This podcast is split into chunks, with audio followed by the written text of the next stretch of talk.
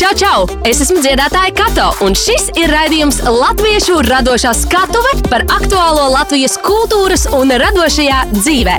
Radījumu finansē Mēdīļu atbalsta fonds no Latvijas valsts budžeta līdzekļiem. Par raidījumu Latviešu radošā skatuves saturu atbild EHR Latviešu hiti. Sveiki! Es esmu dziedātāja Kato, un šis ir raidījums Latviešu radošā skatuve. Pagājušajā raidījumā jau uzsākām sarunu par tehnoloģiju piedāvātajām iespējām digitālās mākslas pasaulē. Šodien turpināsim tēmu gan par tehnoloģijām un inovācijām, gan to, kā tās ietekmē radošās un kultūras sfēras. Uz sarunu esmu aicinājusi Riga Tech Girls komandas pārstāvjus Līnu Martu Sārmu un Paulu Siliņu. Sveiki! Sveiki. Kā arī mūzikas mācību lietotnes solfeģio līdzdibinātāju Tomu Gāli. Sveiki jums visiem studijā! Pirmais jautājums, eh, iespējams, tāds pavisam vienkāršs. Kā tehnoloģiju attīstība un inovācijas ietekmē kultūras un radošās nozares?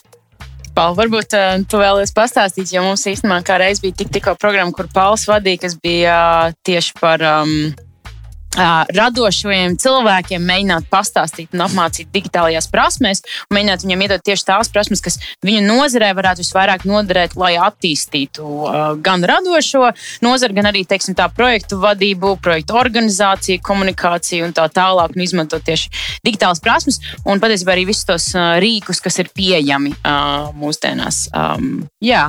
Attiecīgi, jā, kā Līna jau ievadīja, mēs īkojām tādu programmu cilvēcīgi par tehnoloģijām trīs dažādu sfēru pārstāvjiem nozaru, un tā skaitā tās bija radošās industrijas. Un Līna jau aptuveni pastāstīja, ko, ko tieši mēs centāmies dot, attiecīgi mācīt dažādus rīkus un uh, dažādas zināšanas iedot. Un, uh, jā, tas, ko tas maina radošajās industrijās, tas, ir nepieciešamība sekot līdzi laikam, attīstīties. Mēs nevaram stagnēt, nevaram palikt uz vietas. Var mēģināt, man teiksim, tēvs to mēģina kā glaznotājs, bet uh, nu, kaut ko viņš varbūt palaiž garām.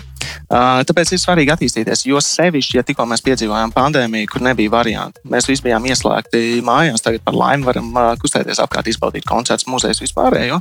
Tomēr tajā laikā mums bija jāatrodas mājās, kur tad arī pierādījās tas, cik liela loma ir tehnoloģijām. Piemēram, es pats arī strādāju kā pasākumu producents, organizēju pasākumus, un skaidrs, ka tajā momentā visu pasākumu vairs nav pēkšņi cilvēks klātienē nestiedz.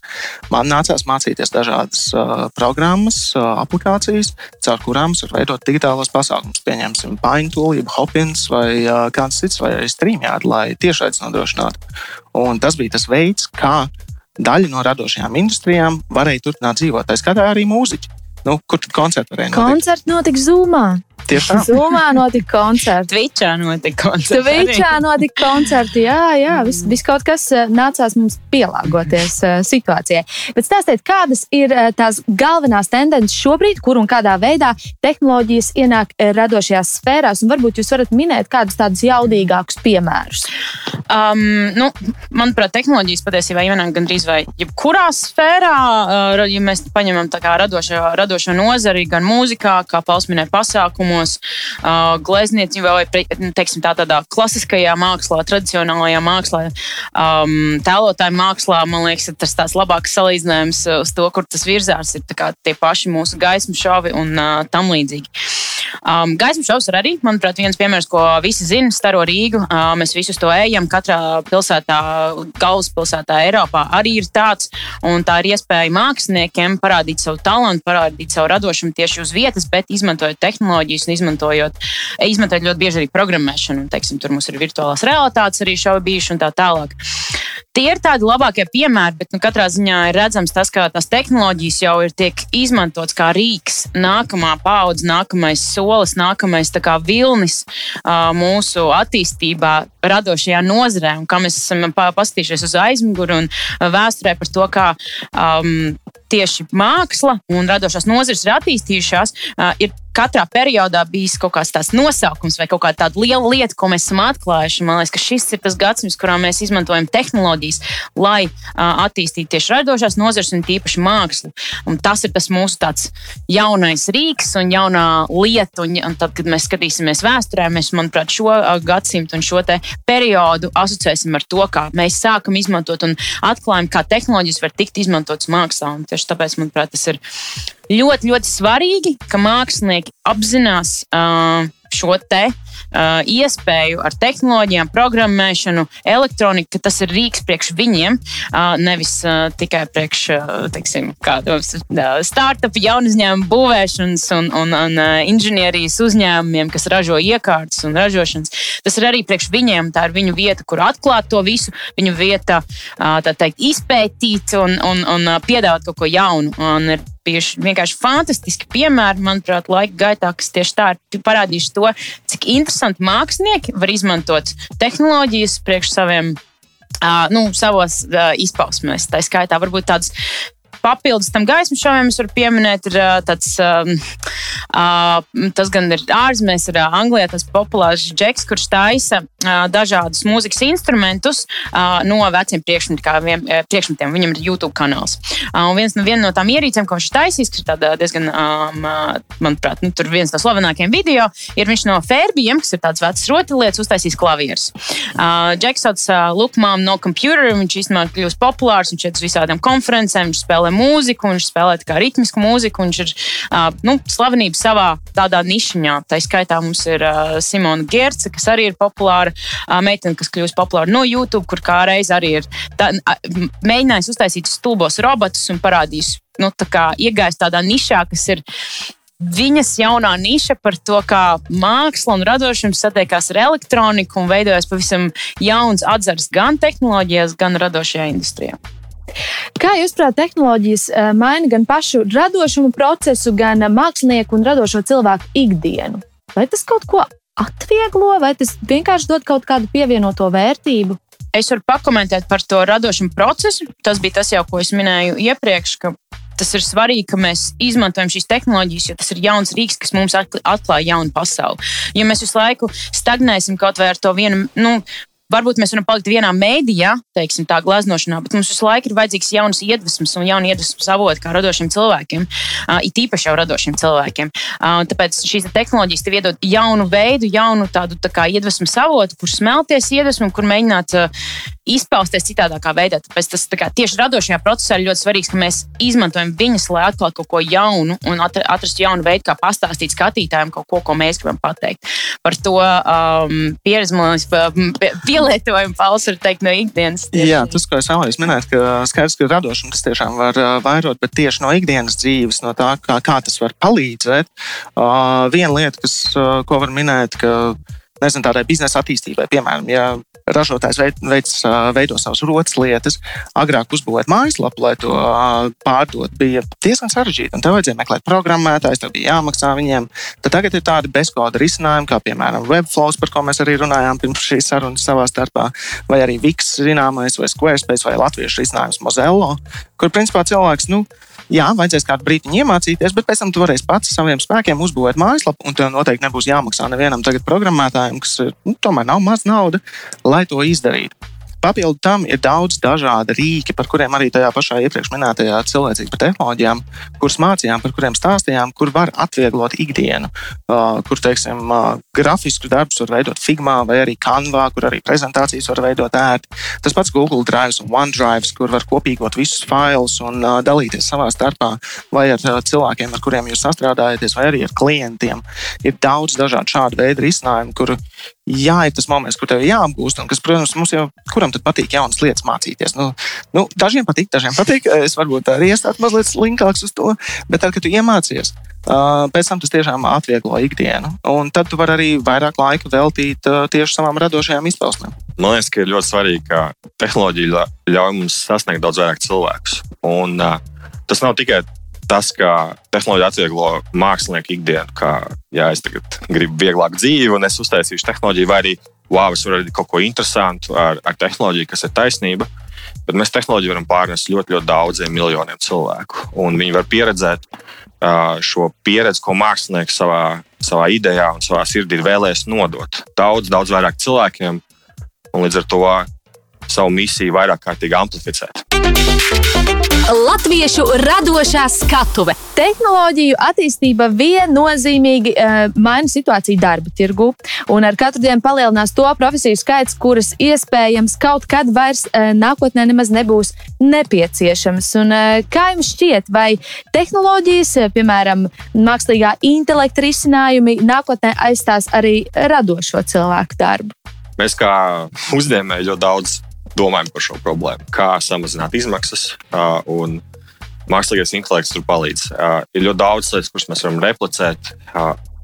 Kaut vai pieņemsim, ja mēs nevaram, kā piemēram, Solfēčio, mūsu aplikācijā ir pieejams mākslīgais intelekts, kurš tev kā privāts skolotājs māca mūziku. Un varētu domāt, ka tu nekad nevarēsi aizstāt skolotāju, bet vispār pasaules to iet.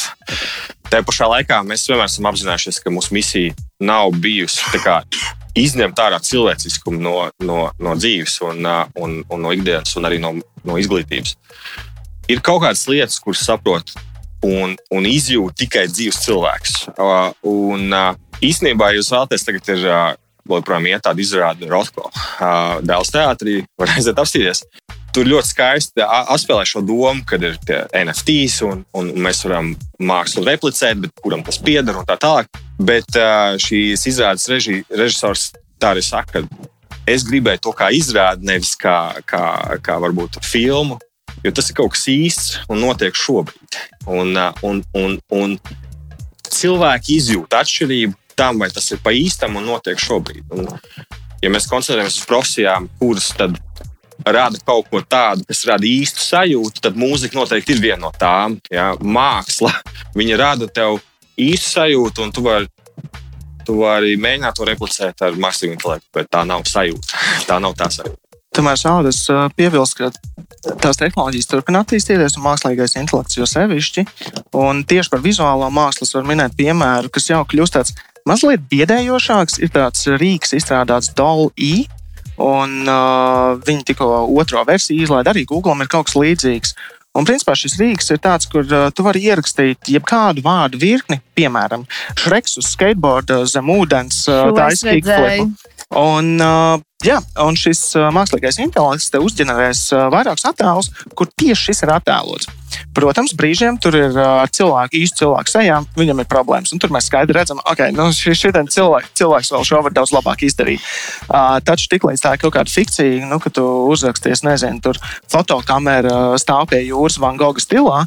Nu, ir diezgan grūti pateikt, vai tas tiešām bijis Van Gogs vai nē. Un ātri var pieminēt, ka šis nav pieejams publiski, taču ir izstrādāts ar OpenAI palīdzību tāds dalījuma mini, vismaz agrāk viņi tā sauc. Ja šādi googlos varēs atrast to rīku, kur paši ik viens cilvēks var paspēlēties un pamēģināt radīt vismieklīgākās lietas, ko var iedomāties.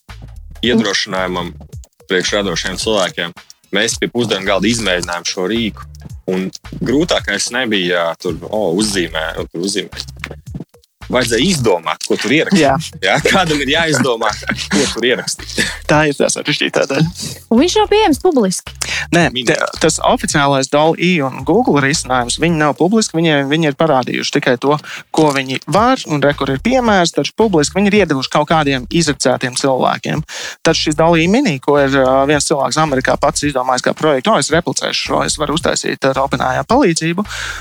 Tas ir publiski pieejams, un to var spēlēties ik viens. Tas varbūt nav tik kvalitatīvs kā šie oriģināli, taču vismaz var redzēt, kas ir, tas, kas ir šis un ko tas dara. Es noteikti vēlētos pamēģināt oriģinālu, tāpēc, ja kādam ir pieejama šī versija, es ļoti labprāt uh, gribētu, gribētu izmēģināt.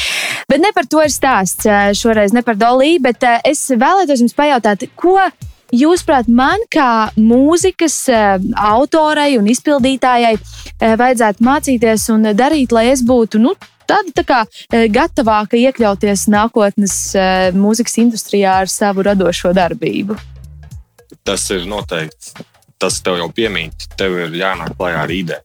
Mākslīgi sintēzētas idejas, viņas, e, viņas ne, neuzrunā cilvēku tādā līmenī. Un, nu, tu jau pats zini, ja tu raksti dziesmu no sirds, un tev ir kaut kāds mērķis tam, Tas aizskars daudz vairāk cilvēkus. Un, uh, pēc tam jau producenti jau arī šobrīd agrāk izmantoja ļoti primitīvas metodas, eh, kā radīt mūziku. Mēs pārsvarā visu rakstījām dzīvē.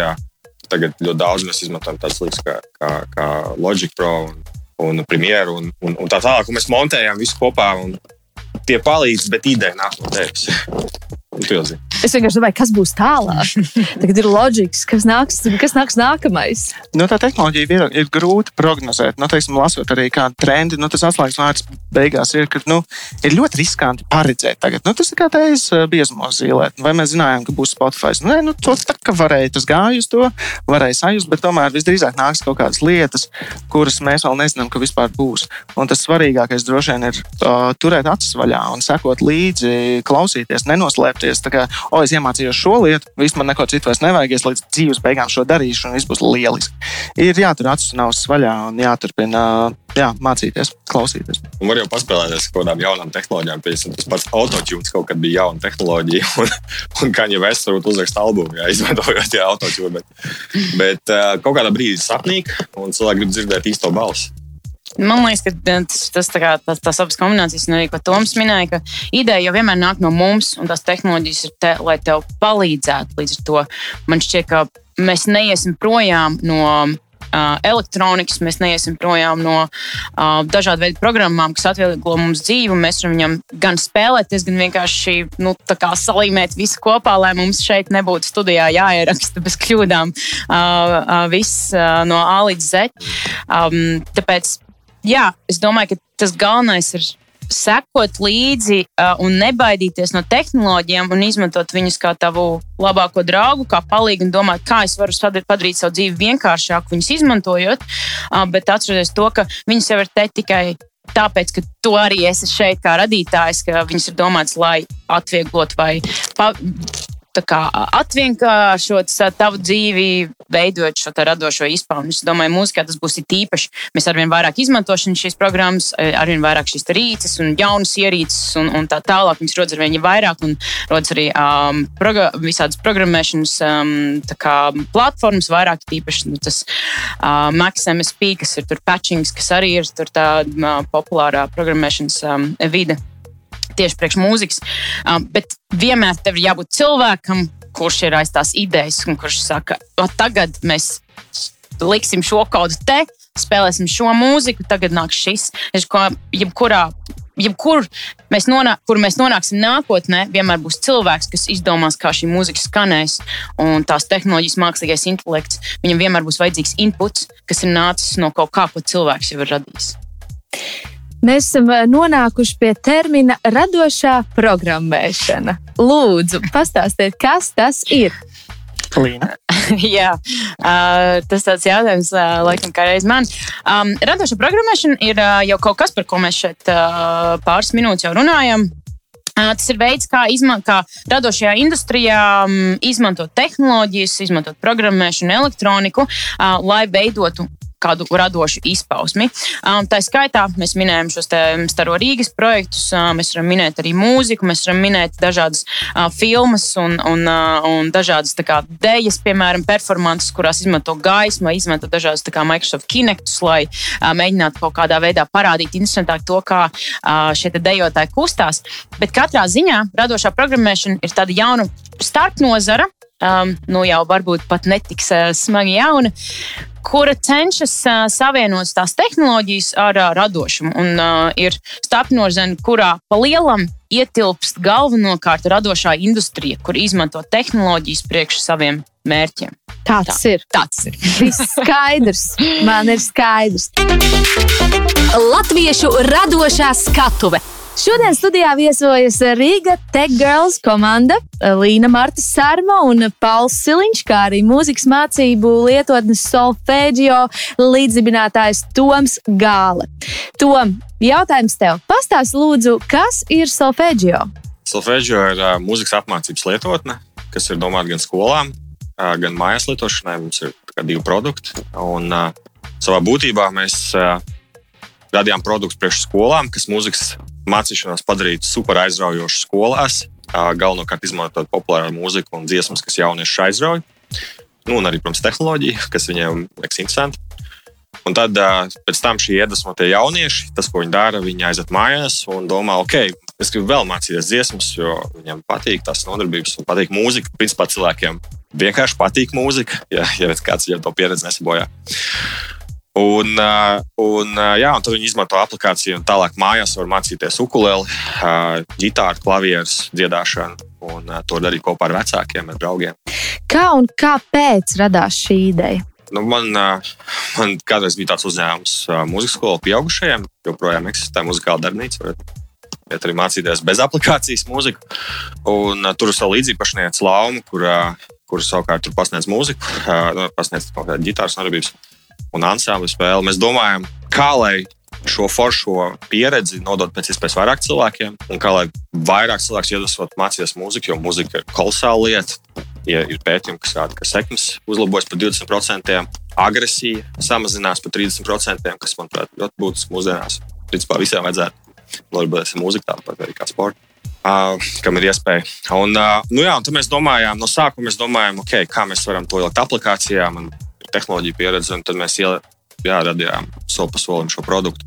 Šobrīd jau mēs vairāk domājam, kā to vērst plašumā, vēl tālāk, kā padarīt mūzikas mācīšanos vēl pieejamāku. Jo īstenībā dati rāda, ka tikai 20% sabiedrības ir pieejama mūzikas mācīšanās, kā finansiāli pieejama. Un, un, un tad mēs mēģinām to barjeru daudzkārt samazināt, lai aptuveni kaut kādiem 75% pasaules cilvēku būtu pieejami mūzikas mācīšanās. Kā notiek šī mācību stunda? Nu, kā, kā tas ir? Es tagad ielādēju, lejupielādēju aplikāciju savā mobilajā tālrunī, iPadā, datorā droši vien arī. Kas notiek tālāk? Uz iPhone, uz Android tur nokačāt aplikāciju, un tad, kad tu ienāc iekšā, tāds, teikt, mākslīgais intelekts tev mēģinās noskaidrot, kur, kur tu šobrīd esi ja, un kas tev patīk, kas tev interesē. Tad uh, balstoties to, kas tev interesē, galvenokārt tā, nu, tā mūzikas žanri, mūzikas dziesmas, dažādi mākslinieki, tad uh, tev iedos tādu dziesmu, kas tev aizrauja. Uh, un balstoties to dziesmu, kas tev aizrauja, tu tālāk vienkārši mācīsies šo dziesmu. Un paralēli, kamēr tu mācies šo dziesmu, aplikācija ar visādi efektīvu paņēmienu, kā piemēram caurspīdīgas rokas, ja tu redzēji cauri, kur tev jāspiež ģitāra. Tu vari pāršķirt varbūt, to, kas tev liekas garlaicīgs, un tā tālāk. Atkārtot, viņi klausās, kā tu spēlē, un tā tālāk. Izlabos to kļūdas, pastīsies, kā tu iet, un volā tu māk dziesmu, un tu pat nepamanīji, kā tu vienkārši aizraujoši spēlē to dziesmu. Iemācījies patiesībā spēlēt instrumentu, ģitāru vai ukulēlu. Pēc tam Uh, mums ir diezgan liela dziesmu biblioteka ar, ar, ar uh, mūziku, kur uh, mūsuprāt mēs skatāmies trendus, kas aizrauja jauniešus, un ne tikai jauniešus, arī, arī, arī vecāks, pieaugušs cilvēks. Pēc tam ir ļoti svarīgi, ka tu vari vienkārši spēlēt tās dziesmas. Mums ir ļoti, ļoti ļoti vienkāršotā spēlēšana. Mēs gribam padarīt mūzikas mācīšanos pieejamāku arī no sarežģītības viedokļa. Lai jebkurš varētu spēlēt līdzi savām dziesmām un vienkārši baudīt mūziku. Un, uh, tas, tas, ko tur darīt ar aplikācijas produktu. Skolām ir pieejams bijis citādāks produkts, kas savukārt māca mūziku, mūzikas teoriju, izmantojot populāras dziesmas. Paldies par šo skaidrojumu. Būs jāiet, jāiet lejupielādēt solfēģio Es arī labprāt pamēģināšu. Arī uz iPadiem strādā. Uz iPadiem arī strādā. Ļoti labi. Daudz baidās no digitālo risinājumu izmaksām. Vai digitāli nozīmē dārgi un kā šīs investīcijas iespējams atpelnīt? Jā, vispār tas nozīmē dārgi. Man tā godīgi jāsaka, tas ir ļoti dārgi. Solfēģio ir investēts vairāk par miljonu eiro. Un tās investīcijas, protams, var atpelnīt tikai tad, ja to produktu rāda ļoti, ļoti daudziem cilvēkiem. Ja? Un, un pirms mums ir lietotāju skaits vairāk, vairākus miljonos, 20 tūkstoši skolās pasaulē uh, izmanto solfēģio. Un mēs vēl tikai apgūstam pāris procentus no tā tirgus lieluma, kas ir pieejams. Mums ir jāiet daudz plašāk, lai nu, tās investīcijas varētu tā būtiski atpelnīt. Investoriem prasa diezgan liela atdeve, ja, ja mēs runājam par tādām summām. Bet uh, te varētu papildināt to, ko, to, ko pirms tam Pauls teica nav obligāti tehnoloģija jābūt sarežģītai. Īstenībā, nu, varbūt viena no tādām atziņām, kas mums nāca, bija, ka ne visas idejas, kas mums ir, ir obligāti jārealizē. Jā, viņas varbūt ir pārāk sarežģītas. Jautājums, vai cilvēki to novērtēs. Un daudz no lietām var uztaisīt ļoti vienkārši. Tā pašā mūzikā, tā pašā mākslā, izmantojot rīks, ko iepriekš pausmēju pats arī neesmu programmētājs, bet māku strādāt ar Webflow un es uztaisīju mājaslapu.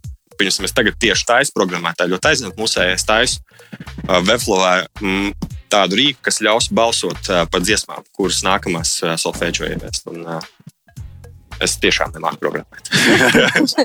Viss ir iespējams. Latviešu radošā skatuve.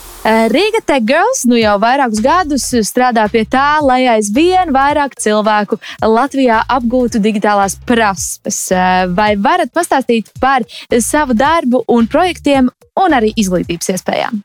Jā, nu, kā jau minēju, mēs esam no Riga Tegels, un kopā ar Riga Tegels mēs darbojamies jau vairākus gadus. Mums ir vairākas apmācību programmas, kurš sniedz iespēju apgūt gan programmēšanu, gan dažādas citas IT prasmes un profesijas, pat sākot no tāda paša pirmā līmeņa, kur mēs kā, veidojam dažādas pasākumus, mītapus, darbnīcas, runājam konferencēs un, un dažādas pasākumus ar mēģi ievilkt vispirms cilvēkus iekšā un pateikt, ka tehnoloģijas īstenībā ir ļoti interesantas un programmēšana ļoti interesanta un zinātnē ļoti interesanta, ka visi nāciet pie mums te barņā. Un pēc tam jau mēs, kas ir mūsu tāds nākamais līmenis, mēs jau veidojam tādas nopietnākas programmas, um, sastrādājamies ar um, lielākajiem IT uzņēmumiem arī Latvijā uh, un piedāvājam sievietēm, piedāvājam arī vīriešiem apmācības gan programmēšanā, gan arī, kā jau minēju, dažādās IT, IT prasmēs. Viena programma mums ir tāda, kas mums ir šobrīd. Nu, jau ir sākusies pieteikšanās, iepazīst tehnoloģijas. Par to arī varbūt es došu pāri un pastāstīt sīkāk. Bet papildus tam mums īstenībā iet arī vairākas citas. Tā skaitā mums ir Working Tech programma, kas dod iespēju sievietēm gūt apmācības tieši konkrētā profesijā par IT sistēmu administratoru. Viņam ir iespēja iziet tādu kā trīs mēnešu kursu, saņemt mentoru atbalstu, saņemt teikt HR atbalstu, atbalstu no uzņēmumiem, kur piedāvā viņam vakances. Mums ir mentoru programma, kuras sniedz iespēju kā reiz uh, sievietēm izaugt savā karjerā. Un tur nav tik ļoti uh, liela nozīme, vai tu esi pilnīgs iesācējs, vai interns, vai junior position, vai mid-level, vai pat tur uh, senior level. Tā, tā ideja ir tāda, ka tev ir iespēja.